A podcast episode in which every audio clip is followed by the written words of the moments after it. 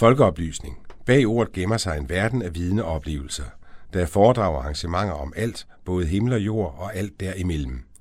Men hvad nu, hvis der er et spændende foredrag i Skagen, og du bor på Falster, eller du bor i Haderslev, og der bliver afholdt et arrangement i Roskilde, om lige netop det emne, du interesserer dig for? Eller hvad nu, hvis du bare ikke lige har tid?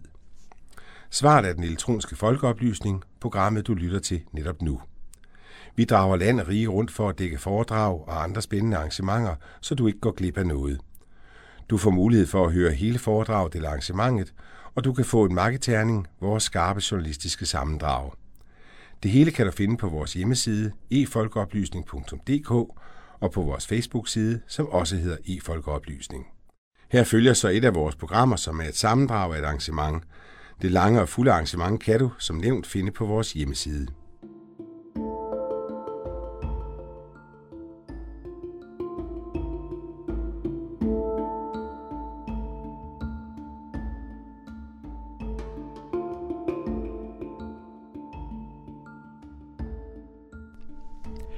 Jeg har svært ved at forestille mig den tid, hvor vi ikke havde computer.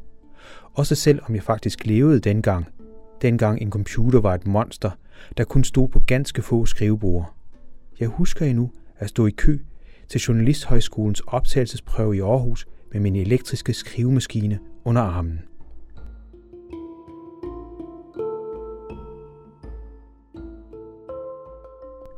Så kom snakken. Computeren var fremtiden. De vil forandre alt. De vil være overalt. Nu kom det papirløse samfund. Det hele vil blive så let. Meget ville man i fremtiden kunne gøre hjemmefra. Jeg tør godt indrømme, at jeg var blandt de mange, der rystede på hovedet over de spådomme. Det løb næsten for langt ud til at være sandt. Men de fik ret, og jeg tog fejl. Og om tingene dog blev lettere, ja, det vil jeg lade jer lytte om at afgøre. De mange computer, tablets og smartphones betød dog ikke kun, at det nu pludselig var nemt at bestille koncertbilletter eller gå i banken hjemmefra.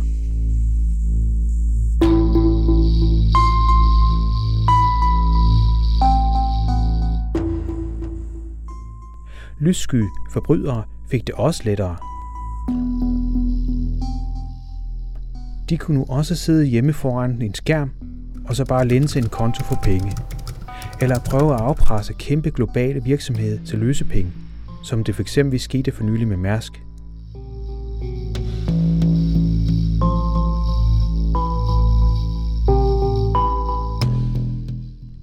En dansk teknologiprofessor viste på en stor hackerkonference i USA, hvor let det er at hacke det amerikanske valgsystem. Det tog ham, ifølge en udsendelse på DR, under tre minutter at ændre et helt valgresultat.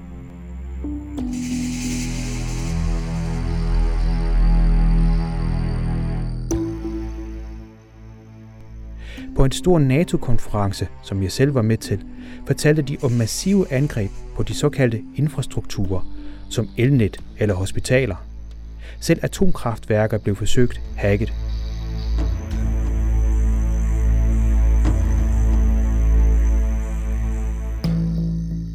Så såkaldte cybercrimes kan få endda meget alvorlige konsekvenser for os alle sammen. Men hvad har det med mig at gøre, tænker du måske? Jo, desværre har det i høj grad noget med dig at gøre.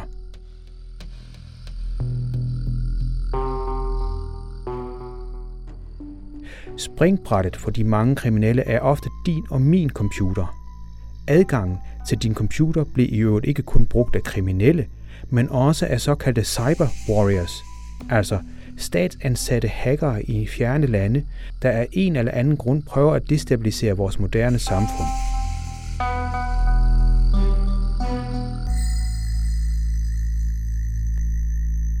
Alt det ved jeg egentlig godt. Jeg har samme årsag købt et godt antivirusprogram. Men er det nok? Og hvad kan jeg ellers gøre? Hvad kan du og bør du gøre, kære lytter? Det er netop det, vi i den her udsendelse skal beskæftige os med. Men i første omgang skal vi tage pulsen på vores generelle IT-sikkerhed. Til det formål har jeg blandt andet talt med hende her. Jeg hedder Josefine Mold Theisen, og jeg læser på katastrofe- og risikomanageruddannelsen ved Professionshøjskolen Metropol. Du og din kammerat har lavet en undersøgelse. Kan du forklare, hvad den gik ud på? Vi lavede en undersøgelse øh, om unge og cybersikkerhed, og fokus blev ret hurtigt, at vi ville undersøge, hvorvidt øh, de unge føler sig trygge på de sociale medier, øh, og hvorfor øh, den her tryghedsopfattelse er, som den er, øh, og hvad den betyder for dem. Følte de sig trygge? Ja, det gjorde de. Øh, langt overvejende følte øh, stort set alle sig trygge, eller det vil sige 75 procent godt og vel følte sig trygge. Men vi har så også erfaret, at den tryghed måske øh, ikke er repræsentativ for deres øh, viden omkring øh, sikkerhed på de sociale medier. Den sker lige her på dansk. De vidste godt, det var usikkert, men de følte sig sikre alligevel. Ja, lige præcis. De føler sig sikre, men de ved heller ikke, hvad det er for nogle trusler, de står overfor. Øh, og det er meget betinget deraf. Øh, undersøgelsen viste ligeledes, at øh, langt over halvdelen også ønskede at øh, opnå eller få en større informations... Øh, generelt få større information om, hvordan man begår sig tryg på de sociale medier. Så det er lidt paradoxalt i forhold til, øh, at de føler sig trygge.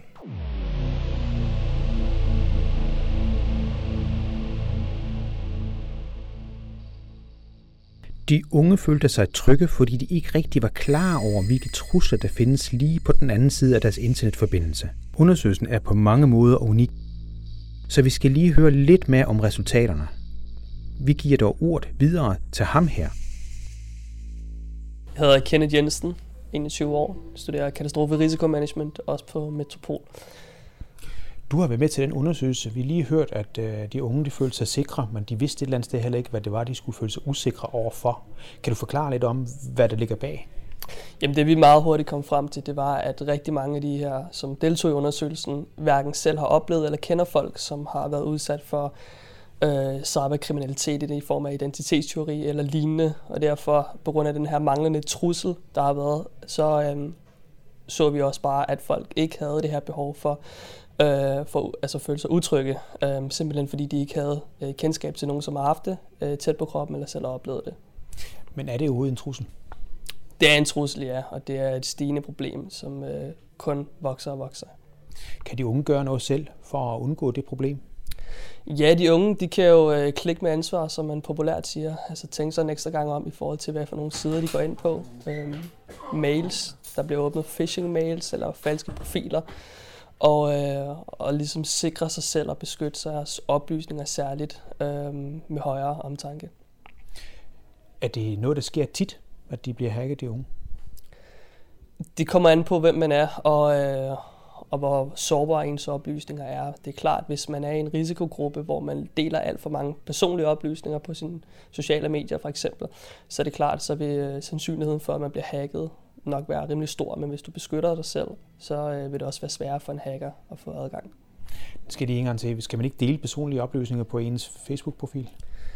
Der er grænser mellem personlige oplysninger og personfølsomme oplysninger. Man skal huske på, at alt data, man lægger ud om sig selv, det kan bruges imod en. Alt, der kan bruges, kan bruges imod dig selv. Og derfor skal man nøje overveje, hvad for nogle billeder og tekst og information og lokationer, man deler, når det handler om de sociale medier. Altså det her med, at man ikke lægger ud, at man er på ferie, så en indbrudstyv kan komme ind. Er det den slags? Ja, for eksempel. Og personfølsomme billeder, hvor man står i måske lidt for meget påklædt tøj øh, som ung pige, det kan også hurtigt misbruges af, af professionelle hacker og kan blive brugt øh, imod den enkelte.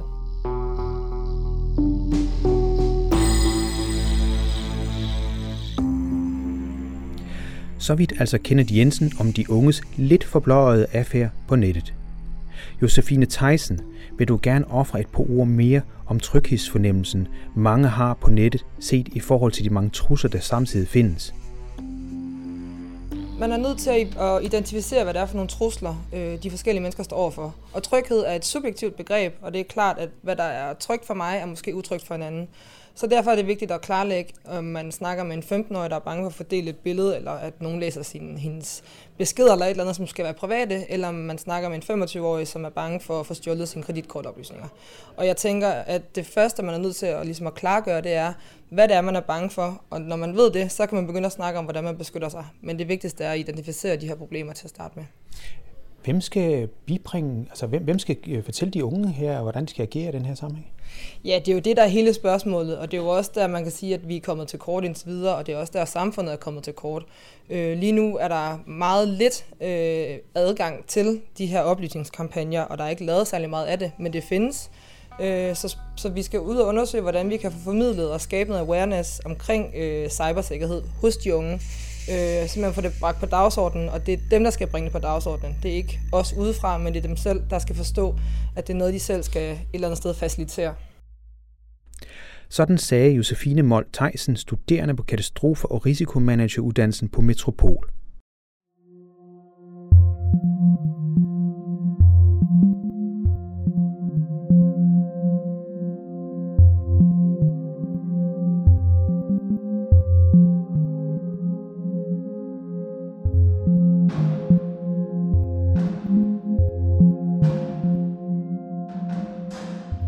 Spørgsmålet er naturligvis, hvor reel truslen egentlig er. Men det er langt fra det eneste spørgsmål, der med det samme melder sig. Er det kun de unge, der er i farzonen? Hvor let kan en hacker egentlig skaffe sig adgang til en computer? De spørgsmål er nok bedst at stille til en hacker. Nu skulle man umiddelbart tro, at netop en hacker ikke har lyst til hverken at stå frem eller hjælpe os med at forbedre sikkerheden. Men det er heldigvis ikke helt rigtigt. Der findes nemlig både Black Hat og White Hat hackere. De første er de kriminelle, mens hacker med de såkaldt hvide hatte prøver at hjælpe og lukker for f.eks. sikkerhedshullerne. Det er netop sådan en af slagsen, der kommer her. Jamen, jeg hedder Allan Bo Jensen, og jeg er jo en etisk hacker, som man siger. Jeg er direktør i dag for Eagle Shark Cyber Defense, og arbejder også for FN øh, som Computer Forensic Analyst. Det var noget med, at øh, den her undersøgelse, som de her unge studerende lavede, det viste jo sådan set, at, øh, at de unge var meget trygge. Men omvendt igen vidste de heller ikke rigtigt, hvad de skulle være utrygge for. Og samtidig viste undersøgelsen, at de ikke var særlig øh, sikre brugere, om så at sige. De var ikke forberedt på cyberangreb, som de så flot hedder dit sprog i jeres sikkerhedsfirma. Mm. Øh, men sker der overhovedet noget? Altså er der grund til at være utryg? Er der nogle andre end deres undersøgelse, der viser, at der er grund til at være, altså være utryg? Ja, altså, der er jo, der er jo lavet mange øh, hvad skal man sige, undersøgelser, og man, øh, altså Forsvarets Sikkerhedstjeneste er også ude, og PET er også ude og sige, at øh, trusselsniveauet er jo ekstremt højt i Danmark. Og man kan sige, at vi er jo øh, i den situation, at øh, i de her nordiske lande her, der er vi jo øh, forholdsvis rige mennesker. Øh, der er jo nogle penge at tage for alle de almindelige borgere, og det er der jo en stor del af verden, som benytter sig af. Så øh, man kan jo tage den der standard som Nigeria-mailen. Øh, vi bør jo alle være i familie i dag, for jeg tror, at vi alle har en rig onkel nede i Nigeria et eller andet sted. Øh, så så det, det vælter jo ind. Øh, jeg tror også for de unge mennesker i dag, der er det jo også svært at vide, hvor grænserne går hen. Øh, det her med, at man lige øh, hacker sig ind på øh, sin kammerats Facebook-profil, øh, jamen, at det er jo lovligt i sig selv. Det var jo kun ment i sjov. Øh, i dag, der kan du også, du kan google dig til en masse angreb, du kan, du kan YouTube dig til en masse angreb, så du behøver ikke en, en høj teknisk viden for at faktisk kunne gøre en stor skade. Øh, og der er det jo lidt det her syndromet igen, at jamen, kan man købe det online, og kan det blive leveret af DHL, er det så ulovligt? Øhm, og det, jamen det er det jo, men, men der er jo ikke rigtig nogen sådan mejslede grænser for, hvor går grænserne henne, ikke? Men når du bliver kaldt for white hat hacker, det skal vi lige understrege, det vil så sige, at det er en hacker, som hacker sig ind for at finde sikkerhedshullerne på virksomhedernes vegne. Det, det er rigtigt forstået, ikke? Ja, yeah. altså det er jo det, som, som, som jeg bruger min, for det meste min dagligdag på. Det er jo netop det her med at gå ud og teste firmas sikkerhed. Øh, det er meget bedre, at jeg hacker mig ind, end at nogle af bad guysene, de gør det. Øh, og så kan vi gå ind og foreslå, jamen, hvor er deres største sikkerhedsbrister. Øh, og det skal der jo til, før man kan beskytte sig selv. Så skal man vide, hvor hullerne i osten er almindelige mennesker. Altså, en ting er jo de studerende, men der findes jo også mennesker, som ikke er studerende mere i det her land. Hvad med dem? Altså, hvordan står det til med sikkerheden der? Jamen altså, sikkerheden er jo svær som privatperson også. Ikke? Jeg tror, de fleste af os ved, at man bliver nødt til at have en eller anden form for antivirus. Øh, og hvorfor er det, vi har antivirus? Jamen det er jo for at fjerne snavset, når det kommer ind. Så jeg tror, vi har en generel forståelse af, at vi godt kan få snavs på vores computer. Men, men, men man ved jo ikke rigtigt, hvad kan man ellers gøre for at beskytte sig? Øh, når jeg spørger en, en stor forsamling, hvor mange der bruger det samme password på flere end et sociale medier, så har øh, 9 ud af 10 altså hånden op. Øh, og når jeg så spørger, hvornår det, man sidst byttede password, jamen så er det måske mere end 6-8 måneder siden. Øh, så vi følger jo ikke det her sikkerhedsspektrum, der skal til for at beskytte os ordentligt. Øh, fordi at man stadigvæk har en generel forståelse af, at jamen, det er jo kun naboen, der bliver hacket. Hvem skulle hacke mig? Jeg er jo ikke direktør i en bank, for eksempel. Øh, og der plejer man jo sådan set at sige lidt eksemplet, at skulle man hacke en bank, vil man så gøre det på sin egen computer, eller vil man hacke herre og fru Jensen og hacke banken for deres computer i stedet for. Så vi alle sammen skal egentlig være med til at beskytte, om vi skal, om, om vi skal forsøge at beskytte den danske infrastruktur i dag også. Jamen, så starter det altså også på herre og fru Jensens computer, og ikke kun hos, hos firmaets server. Så du siger simpelthen, at hvis man ikke har sikkerhed i sin egen computer, så kan den altså blive misbrugt til at lave et angreb, ikke kun på banker, men endda måske på national sikkerhed? Lige præcis. Lige præcis. Det kan, det kan meget vel være privatpersonens computer, øh, som politiet banker på og spørger, hvorfor de har hacket et eller andet givet sted, selvom de slet ikke aner det. Hvad skal de så gøre? Altså udover, du, du siger, at man skal skifte password en gang imellem, øh, mm. og man, man skal have et software, er det, er det andet, man kan gøre? Men altså, man skal selvfølgelig man skal forstå, hvad det er for trusler, der er, før man kan beskytte sig mod det. Det er ualmindeligt svært at beskytte sig imod noget, man ikke kender. Øhm, øh, ja, altså, hvad man præcis skal gøre. Man skal have en fornuftig tilgang til det her med, med, med computer og internettet. Man skal, man skal vide, at når man er nogle steder på nettet, jamen, så er det ikke kun en selv, der kigger med. Der kan godt være flere andre, der kigger med. Man skal holde sådan noget som personlige oplysninger. Det skal være personligt. Øh, jeg personligt vil aldrig dele mine min, min personlige oplysninger på nettet. Fordi man ved aldrig, hvor de ryger hen eller hvem der får øh, tage del af dem også. Øh, det, bliver jeg nødt til at spørge, altså hvad er personlige oplysninger? Altså er det skostørrelser, eller hvad taler vi om her? Nej, der er det jo mere sådan noget navn, adresse, personnummer, øh, bank, øh, personlige, sådan dybe personlige præferencer og lignende, ikke? Så, så, så det, som vi som i den, i den fysiske verden ser som personlige oplysninger, det, man er nødt til at se den i den digitale verden på samme måde, som man beskytter sig i den fysiske også. En ting er jo de her computere, og, og der, der findes jo mange forskellige platforme. Øh, Windows 7, øh, Windows 8 fandtes der også en kort overgang, findes vi stadigvæk endnu, Windows 10 osv. Og så findes der Mac, mm. og så vidt jeg forstår, så er Mac nærmest umuligt at bryde ind. Er det ikke rigtigt? Mm, nej, Altså jeg vil sige, det var det måske rigtigt nok, den, øh, da den første Mac kom frem. Der var der en markedsandel og en computer, der var ikke rigtig så mange, der gad at hacke dem. I dag der er jo, Mac har jo en stor markedsandel. Der er jo rigtig, rigtig mange, der sidder med Macs. Så i dag der ser vi lige så mange uh, virus og trojans og worms uh, ude på Mac-siden, som der er på Windows. Uh, jeg som hacker, jeg elsker at finde en Mac på et netværk, fordi jeg ved, at Mac-brugerne har oftest ingen beskyttelse, fordi de stadigvæk godt kan huske, at den blev lanceret som en sikker platform. Så når jeg ser en Mac på et netværk, jamen så er det oftest nemmere at komme ind i via den. Så det er den her falske tryghed. ja, den falske tryghed, ja. Og så, hvad, hvad så med, med vores iPhones? Der bliver snakket meget om, ikke kun iPhones, men så de her smart øh, tablets og hvad det ellers findes, at øh, de, de, de er vel sikre. Jeg skal jo sætte sådan en fingeraftryk på for at komme ind på den. Ja, yeah, altså man kan sige, det er de jo ikke. Uh, en mobilplatform eller mobile devices generelt, de er jo også uh, mulighed for at hacke dem. Uh, herunder foredraget, der hacker en mobiltelefon øh, som jeg også ser en af de øh, måske største udfordringer for de unge mennesker i dag. Øh, fordi de har jo alt, og man har jo hele sit liv på den her mobile platform. Så ved at kunne hacke den, jamen der har jeg en utrolig indsigt i, hvem de er som personer, og hvorhenne at man skulle kunne lave et videre angreb. Øhm, så på, præcis på den mobile platform, der er man også nødt til at tænke beskyttelse. Man er nødt til at, at bestemme sig for, hvor mange data man egentlig vil have at ligge på et og samlet sted. Øh, og har man aldrig nogensinde slettet billeder, og man startede med en iPhone 3, og så gik man til iPhone 4 og 4S og 5 og hele vejen, jamen så har du måske lige pludselig billeder, der er 8 år gamle. Det er altså rigtig, rigtig meget information, øh, for ikke at snakke om, om sms'er og e-mails og lignende. Øh, på en computer har du mere beskyttelse, end hvad du har på en iPhone eller på en Android. Til gengæld så er øh, iPhones de er jo rigtig gode til at komme med øh, sikkerhedsopdateringer og systemopdateringer. Så mangler vi bare, at privatpersonerne de faktisk også kører de sikkerhedssystemer eller opdateringer, som findes. Og det er jo også igen et godt råd i forhold til alt digitalt. Jamen sørg for at have det opdateret. Når der kommer en opdatering til et program, så er det oftest ikke for sjovt så er det fordi, der er et sikkerhedshul i, og så er man altså nødt til at køre den her Java-opdatering, eller, eller Chrome-opdatering, eller hvad det kan være. Øhm. Men I kan også blive lidt utryg en gang imellem, når der står et eller andet med at opdatere her. Hvor, hvor skal jeg vide fra, om det er ægte? Ja, yeah.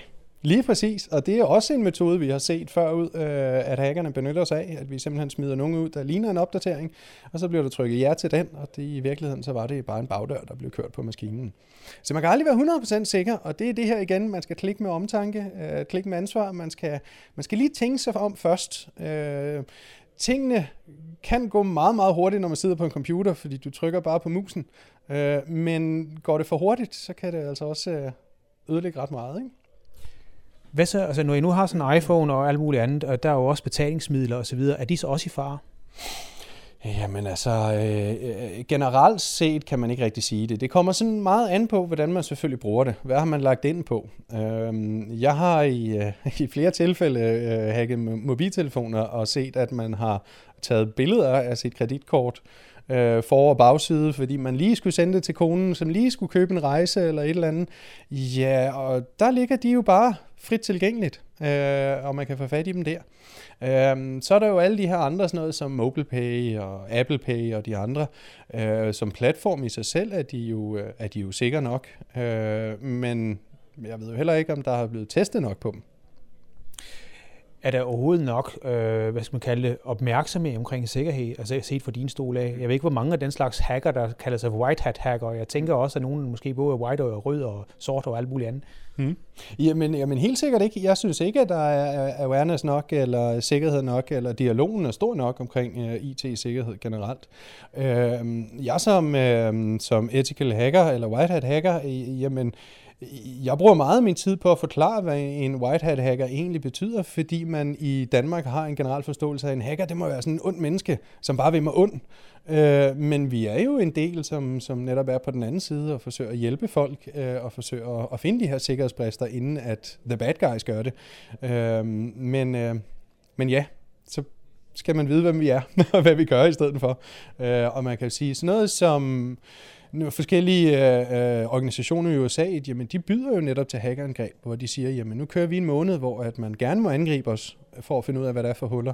Det er måske sådan nogle øvelser, man også burde gøre lidt herhjemme på vores kritiske infrastruktur, og så sige, jamen nu laver vi en måned her, hvor at vi godt må, øh, øh, vores hacker, vi godt må angribe for at finde ud af, hvor hullerne er et af de konferencer, der blev holdt, var faktisk det her med valgurner. Altså det sidste valg i USA, det var jo digitalt. Noget, man også snakker om herhjemme. Mm. Øh, det tog en dansk hacker under 10 minutter. Det var faktisk en dansk, der på ind, ind fra DTU, kan jeg forstå. Mm. Øh, det her med, at man digitaliserer mere og mere, er det ikke i sig selv en far? Burde man egentlig gå væk fra digitalisering? Altså, dengang jeg fik brev ind, øh, det kunne jo ikke hackes, vel? Altså, er, er det egentlig, øh, er der overhovedet en resonemang i alt det her digitalisering? Jamen, jeg tror bare, at man, øh, man har en tendens til... Altså, jeg synes jo, digitalisering er fedt. Det er jo det, jeg lever af. Så jo, jo mere, jo bedre. Det er der ingen tvivl om. Øh, men når man kigger på nyudviklede produkter og digitalisering, jamen, så er det jo oftest født med en masse sårbarhed og huller. Og der skal en vis antal angreb igennem, før at man begynder at sådan konkret at tænke sikkerhed på det. Øh, det er jo oftest den dyreste løsning også for os alle sammen. Øh, jeg tror, at man skal anerkende, at der er et kæmpe problem, og så skal man tænke sikkerhed ind fra starten af. Så inden man releaser et eller andet, jamen, så måske få nogle hacker til at gå igennem og lige få de værste huller væk. Øh, og når vi kigger på sådan noget som øh, Internet of Things, øh, jamen nu begynder vi jo at få alt online. Øh, der er kaffemaskiner og smart, smart køleskabe med IP-adresser og lignende, ikke? Øhm, og igen, jamen, det sidder på vores infrastruktur derhjemme i hjemmet. Ikke? Øh, kan det være indgangen til at få tilgang til vores alarmsystem, eller computer, eller telefoner, som også er koblet på netværket? Men der er jo ikke tænkt beskyttelse i en kaffemaskine. Der, du kan ikke installere et antivirus i en kaffemaskine, øh, eller sætte en firewall på den sags skyld. Så, øh, og der skal vi lige forklare, at øh, hvis, man, hvis man kan bruge ind på kaffemaskinen, så er man brugt ind på nettet, om man så at sige, hvor man så kan komme videre de andre steder. Ja, yeah. Det vil man i, i nogen sammenhæng, altså man kan ikke generalisere og sige, at man altid kan, øh, men jeg vil sige mange gange, når jeg laver øh, et, et, et, et angreb på et firma, jamen så er det jo oftest via de her måske lidt ukurante devices, man har på sit netværk, man ikke lige havde regnet med, faktisk også var en del af øh, den interne struktur.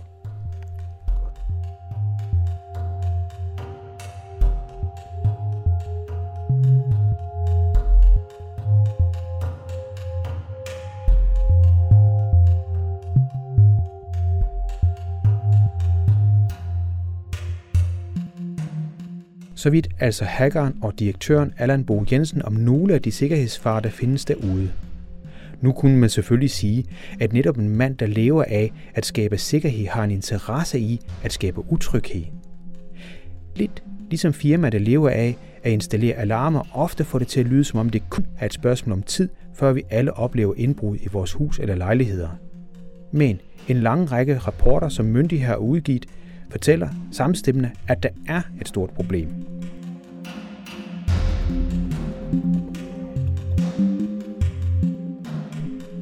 Netop når det kommer til myndigheder, viser et andet problem sig. Et problem, der afspejler, at myndighederne selv endnu ikke er forberedt på den ikke alt for nye virkelighed med cyberangreb. For hvis nu du for eksempel er blevet udsat for såkaldt cybercrime, så er det svært at vide, hvor og til hvem du skal melde det. Men derom lige om lidt. Først lader vi lige ham her introducere sig selv. Ja, mit navn er John Foley, og jeg har mit eget cybersikkerhedsrådgivningsfirma, men har en fortid både i Forsvaret og også i Videnskabsministeriet IT og Telestyrelsen, hvor jeg primært beskæftiger mig med, med informationssikkerhed og cybersikkerhed, som det jo hedder i dag. Vi har lige hørt, at øh, mange mennesker ikke garderer sig nok, og vi har også lige hørt at nogen sige, at de har lavet, at det var nogle studerende, der lavede undersøgelsen, som viste, at de var ret trygge, de studerende, men også fordi de ikke rigtig kendte truslerne. Men hvis vi nu hæver os på et lidt højere niveau, øh, fordi jeg har lidt svært med at se, hvem skal jeg egentlig melde til, hvis jeg har øh, et angreb?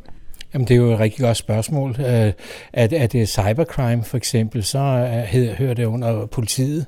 Er det, er det noget med, at du er blevet hacket, ja, så kan det være Digitaliseringsstyrelsen. Er det noget med dine personlige oplysninger, så kan det være Moderniseringsstyrelsen og Digitaliseringsstyrelsen, og det kan være, det kan være forsvaret, men det er så mere inden for spionage og angreb på den kritiske infrastruktur. Så det, det flyder lidt. Øh, man skal jo næsten vide, hvad, hvad det er for noget. Man har ikke nogen central central instans i dag, man kan henvende sig til, hvad jeg synes, der er uheldigt, og, og det er også noget af det, øh, vi håber at kunne gøre noget ved øh, fremover. Ja, for jeg tænker jo, hvis, jeg kan jo ikke se på min computer andet end den er hacket. Hvem der har hacket den. Jeg kan jo ikke se, om det, om det er Putin, han fået til syne af meget skyld for, for lidt af hvert lige for tiden. Men, eller om det er et eller andet, der har hacket det. Jeg kan jo ikke se det. Hvem skal jeg henvende mig til? Jamen, øh, de fleste ville tro, at man skulle henvende sig til, til politiet, og det, det må vel også være det, det første, man kan gøre. Jeg ved, at øh, i de 12 kredse, politikredse, som man har i dag, der har man for nylig ansat øh, en IT-specialist, uh, øh, hvor man bliver henvist til i sin politikreds. Så hvis man går ind i det nationale cybercrime center, som hører under Rigshovedpolitiet, så, så henviser de, de direkte ud til de forskellige kredse. Og ved, ved kredsene har de så mulighed for at, at dirigere videre eller optage rapport, og alt afhængig af hvilken type af hændelser øh, det, øh, det er. Men sådan rent juridisk set, hvis nu man forestiller sig, at der er en hacker, der kommer fra Island, eller fordi der er en del hacker på Island, eller fra USA, eller fra Rusland, hvad gør man så? Jamen altså, man, man kan jo have øh, visse former for, for værktøjer på sin, øh, på sin computer, og øh, der er også visse firmaer herhjemme, der kan, der kan hjælpe med at øh, detektere. Øh, med, men øh, det er jo ikke bare et, et virusangreb. Et hackerangreb kan være, kan være mange ting. Øh, det kan være lige fra, fra chikane øh, til, at, at du mister øh, den hjemmeside, du kigger på, men det kan også være øh, situationer, hvor øh, der er blevet lagt nogle ting ind på din computer, så du ikke ved, hvad der bliver trukket ud derfra. Det er jo nogle af de større sager, vi har haft derhjemme. Øh, det har blandt andet været Therma, og det har også været Novozymes, Times, øh, der, øh, der har der altså været nogle fremmede inde og lagt øh, noget øh, ekstraheringsværktøj, altså noget, der kan trække tingene ud, og det har faktisk ligget der et halvt til et helt år, uden at de pågældende øh, faktisk ved noget om det. Og øh, det betyder meget for, for folk at få taget deres øh, personlige informationer eller, eller sågar øh, hemmeligt materiale af, af den ene eller anden slags. Så det har vi jo set nogle øh, situationer, øh, at, at det er gennemført. Så det er ikke bare sådan noget som øh, det, der blev gennemført med Mærsk. Det var et, et rimelig simpelt angreb, sofistikeret, men rimelig simpelt. Men det er jo, det er jo mere dem, der har mulighed for at lægge nogle ting ind på din og min maskine, uden at man ved det. Ligesom vi også har hørt det der med, at man skal tabe øh, det lille øje, der sidder i, i computeren, så folk ikke øh, kan, kan, kan følge med i, i hvad, man, hvad, hvad man sidder og laver der. Det lyder som science fiction, men det, det er sådan noget, der kan ske. Der er også smart tv, det vil sige, at de kan faktisk kigge ind i stuen hos os i de små familier, også mens vi sover, eller hvad vi ellers gør. Lige præcis. Og det nyeste, det er jo sådan nogle som de der moderne højtalere, øh, som man har rundt omkring i, i øh, måske også inde i soveværelset. Og der kan det være rimelig kompromitterende, øh, hvis man øh, udefra også øh, både kan få lyd og, og, og billede med der.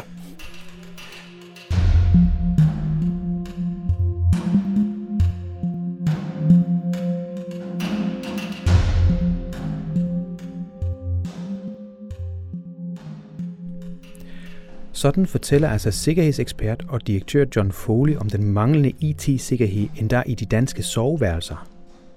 Spørgsmålet er så, om det her problem skal ses som nationalt eller internationalt. For hacker, der får adgang til vores mange elektroniske dæmmelser, kan jo godt sidde i et helt andet land. Så det siger John Foley. Jamen, øh, det skal jo ses internationalt, det her. Fordi øh, alt det her, det er jo grænseoverskridende i, i ordets bedste forstand. Øh, øh, man kan jo godt sidde på den anden side af kloden i dag og, og gennemføre de her angreb og, og de øh, ting, øh, som skal ske. Men der behøver man jo ikke fysisk at være til stede i det land. Og, og derfor øh, er der også forskellige internationale organisationer, øh, der, der forholder sig til det her. Vi har noget, der hedder Computer øh, Emergency Response Teams, CERTS, og, og de, de arbejder sammen på tværs af, af landegrænserne for at avisere hinanden, hvis de opdager et eller andet, de synes, at øh, ser lidt underligt ud. Der sker jo dagligt, øh, skal vi sige, observationer øh, centralt sted fra. For eksempel er der øh, i, på universitets øh, noget, der hedder CERT.dk, øh, og, og de overvåger så, så det, det danske universitetsnet. Vi har også et militært CERT-net, og sådan findes der CERT'er overalt øh, i verden. Øh, hvis man kigger på det hele verden, verdensmæssigt, så, så, er de, så har de en organisation, men vi har også i Europa, øh, hvor man, man arbejder sammen, og hvor man også gennemfører siden 2010 øh, internationale cyber exercises, øvelser, hvor man simulerer angreb, altså finder ud af, hvad, hvad kunne den, der vil os det ondt, hvad kunne de finde på, og så prøver man øh, at arbejde sammen i de forskellige organer, i de forskellige lande, sammen om at gå imod de her angreb her. For et angreb kan jo sagtens starte i Spanien, men være rettet mod Danmark og vice versa. Og for at finde løsninger på det, så må vi have fat i øh, nogle fælles internationale øh, fora, og der har vi så i Europa noget, der hedder European øh, Network and Information Security øh, Platform, der arbejder meget tæt sammen, øh, faktisk 24-7, hvor de prøver at øh, finde ud af, øh, hvad er normalbilledet, og hvad øh, skal vi gøre, hvis øh, normalbilledet ændrer sig, og hvordan skal vi øh, hjælpe hinanden med at, at vidensdele de her ting. Men øh, det er jo netop det situation, vi står i i dag, at den er, det, det samarbejde er måske ikke helt sådan, som det burde være. Og det er room for improvement, som man vil sige på engelsk. Hvis vi tager det her mere multinationale, altså en ting er, at der findes forbrydere, men der findes jo også stater, og jeg kan forstå, at øh, elkraftværker bliver hacket, eller forsøgt hacket i hvert fald. Atomkraftværk i Belgien var i fare på et tidspunkt. Hvad er det, de vil? Jamen, det har du fuldstændig ret i. Altså det, der hedder samfundsvigtig kritisk infrastruktur, det kan jo både øh, omfatte elsektoren, atom, øh, hvis der er nogen, man har der, der det er sundhedsvæsenet osv. videre Og øh, disse kritiske infrastrukturer, hvis de på en eller anden måde bliver bliver hacket eller omgået, så kan man jo øh, så kan man jo destabilisere et samfund. Og øh, vi så øh, det første meget alvorlige angreb øh, helt tilbage for 10 år siden i 2007 i, i Estland, i hovedstaden Tallinn, hvor man flyttede en russisk øh, figur ud, øh, ud fra hovedgaden og ud øh, et andet sted. Øh, og, og det betød så, at der var en hel del hacker, der var inde og, og syntes, det var forkert. Man lagde deres nationalbank ned. Folk gik rundt i gaderne troede, der var et forestående angreb fra russiske kampvogne. Folk kunne ikke hente medicin, de kunne ikke få penge, øh, hævning, og de kunne ikke tale med hinanden over deres øh, telefoner, og de gik rundt i gaderne og, og vidste ikke, øh, om de var købt eller solgt. Og det er altså for 10 år siden, og siden da er man også blevet meget bedre. Og kan man, kan man på en eller anden måde gå ind og, og skal vi sige, genere eller øh, få fat i kritisk infrastruktur, øh, for eksempel elnettet, jamen så kunne man jo øh, slukke for strømmen, og, og så, kan man, så er det kun fantasien, der sætter grænser, hvis vi ikke har strøm, hvis vi ikke har vand, øh, hvis vi ikke har varme, og, og, og ikke kan, kan hente vores piller på apoteket, eller hente de penge, vi skal bruge, som vi så alligevel måske ikke kan bruge, fordi automaterne ikke virker. Man kan godt forestille sig den kaos, øh, det, det vil øh, gøre på et moderne øh, samfund, der er så gennemdigitaliseret som det danske. Det danske samfund er nok en af de mest digitaliserede samfund i verden. Det står jo så i skarp kontrast til, og det er synd, jeg må sige det, men Danmark ligger på en uheldig og pinlig 34. 20. plads i en sidste opgørelse fra FN, der jo netop siger, at øh, I er kommet langt digitaliseringsmæssigt, men der er virkelig plads til at gøre noget med det cybersikkerhedsmæssige. Hvem skal gøre det her? Altså en ting er, at vi har lige hørt, at en almindelig person også skal gøre dit og datten, men, men hvis vi snakker om cybersikkerhed, det her niveau er det vel ikke her, for Hansen? Nej, det, det er noget, staten må tage sig af, men øh, det skal gøres i et samarbejde. Det, det skal være en fælles indsats. Det skal være det offentlige, det skal være det private, det skal være forskningsverden. Fordi vi må jo regne med 90 procent af vores øh, samfundsvigtige kritiske infrastruktur, den, den ligger hos de private. Og hvis man ikke øh, samler trådene og sørger for at koordinere bestræbelserne, så står de alle sammen og arbejder inden for hver deres øh, siloer.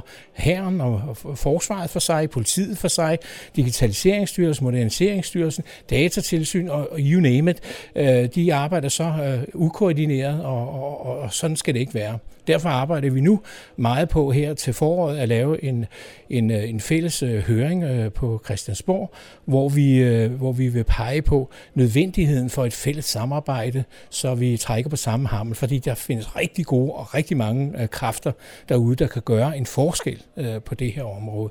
Men vi skal bare have nogen til at samle trådene.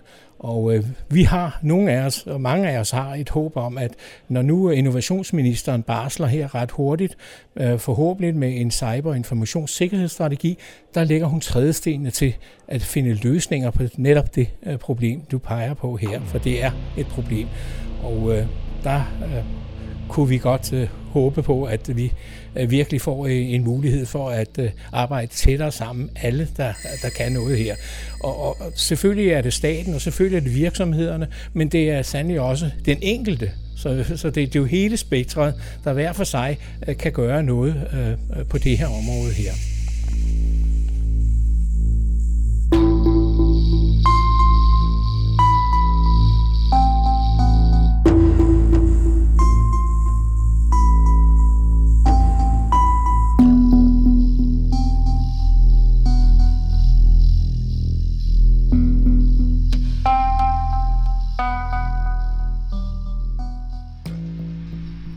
Som sikkerhedseksperten John Foley her forklarede, så mangler der blandt andet en meget større koordination mellem de mange involverede instanser.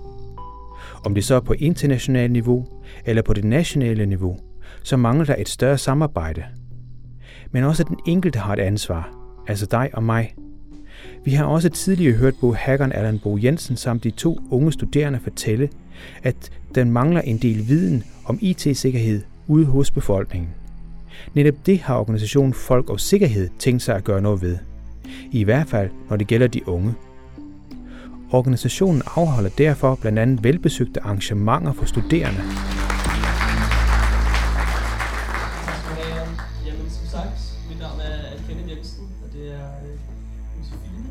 Sådan et arrangement besøgte jeg, hvor jeg blandt andet talte med John G. Larsen, der sidder i hovedbestyrelsen for foreningen.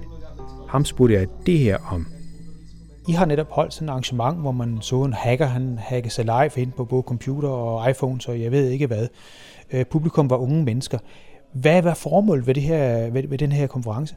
Jamen, formålet er at sætte fokus på de unges brug af hele øh, mediecyber. Det er jo således, at hvis du ser i forhold til medieverdenen i dag, så taler man jo har fået øjnene op for, cyber er et stort trusselproblem. Men man kigger primært på det, på det sikkerhedspolitiske i forhold til et samfunds eksistens, og man kigger på det erhvervsmæssigt. Jeg skal bare nævne AP Møller og andre, altså den danske bank, som er blevet hacket. Men man glemmer fuldstændig fokus på det, som er blomsten af vores øh, ungdom, nemlig de unge og deres brug det er jo dem, der virkelig sidder med det i dag. Og der mener jeg, at vi har en opgave som organisation Folk og Sikkerhed, hvor vi er med til at skabe et robust samfund, der er de unge helt centralt. Derfor laver vi et arrangement som det her, hvor de unge kan se. Nu nævner du selv jeres organisation Folk og Sikkerhed. Jeg forstår folk, og jeg forstår sikkerhed, men kan du forklare lidt mere om jeres organisation? Ja, det kan jeg. Øh, folk og Sikkerhed er et udspring af en gammel organisation, der hedder Folk og Forsvar. Men øh, øh tilpasse virkelighedens verden, måtte vi erkende, at det var alt for smalt. Så i dag dækker vi over forsvar til lands, til vands og i luften, politiet redningsberedskabet, som er både det statlige og kommunale, og ikke mindst hele den civile sektor. Jeg skal bare nævne sådan noget som de samfundsvigtige virksomheder, hvor mange tænker på, hvor vigtigt det er, hele vores sundhedssektor og landbrugssektor, at du og jeg får noget at spise og drikke hver dag, at det fungerer, altså under overskriften det robuste samfund. Det er det, folk og sikkerhed står for, og hvor vi blandt andet fokuserer meget på de unge, det du lige har hørt her. Jeg skal forstå det her, det er, det er en forening, eller, eller er det en organisation, som får penge fra staten, eller hvordan skal jeg forstå det? Det her er en helt fri, frivillig forening, hvor vi vores eneste betaling er interessetimer. Vi får ingenting for det her, men, men vi har en baggrund ofte, som kommer fra, fra samfundet bredt, både i forsvaret, redningsberedskabet og i det civile sektor, hvor vi er meget engageret i, at samfundet er så robust som muligt, hvor vi står sammen. Du har sikkert hørt, at der er en tilbøjelighed til, at man kan meget i vores samfund, men søjler. Det er ikke på tværs, det er ikke samordnet, det er ikke koordineret, hvor vi hjælper hinanden. Det er det, vi gerne vil, hvor vi med et robust samfund trækker på de ressourcer, der er på tværs i vores samfund. Hvor lang tid har I eksisteret? Og vi har eksisteret i øh, over 50 år. Men som den nye struktur her har vi øh, eksisteret i godt og vel øh, 10 år på nuværende tidspunkt, med fokus de sidste 8 år på folk og sikkerhed. Hvis man vil melde sig ind, hvad skulle fordelen så være ved det? For, uh, fordelen er, at du får et unikt netværk i forhold til blandt andet det, du har set her. Du har set her, der har været over 100 unge mennesker, der kommer her. Hele det netværk. Vi arbejder meget tæt sammen med Metropol, Campus uh, Uddannelsesinstitution på Bornholm og andre uh, uddannelses store netværker. Det er et kæmpe netværk, de unge får for at de kan samordne omkring de her forskellige ting, når vi taler cyber. Der kan være mange andre uh, ting, som uh, interesserer de unge hvor netværket er med til at hjælpe dem.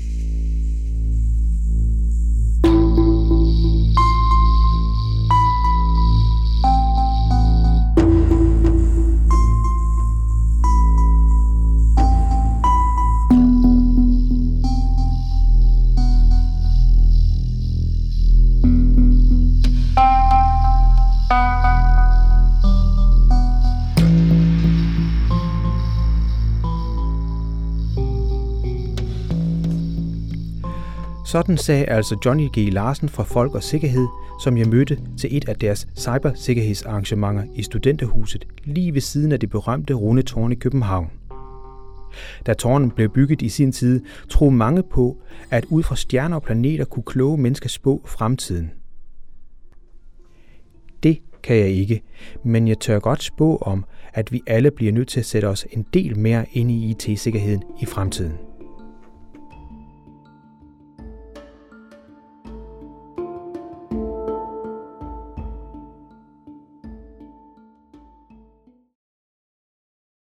Du har netop hørt den elektroniske folkeoplysning.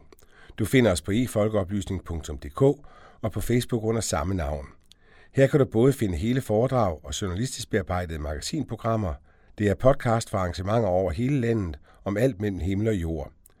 Det du kan være sikker på er, at det er skarpt, det er relevant, og det kan være ny og overraskende viden. Journalist Jan Simmen har stået for redigering og tilrettelæggelse, og det er Radio Mælkebøtten, der har produceret lyden. Tovholder på projektet er SLR TV, mens det er Dansk Folkeoplysnings Samråd, der støtter projektet finansielt.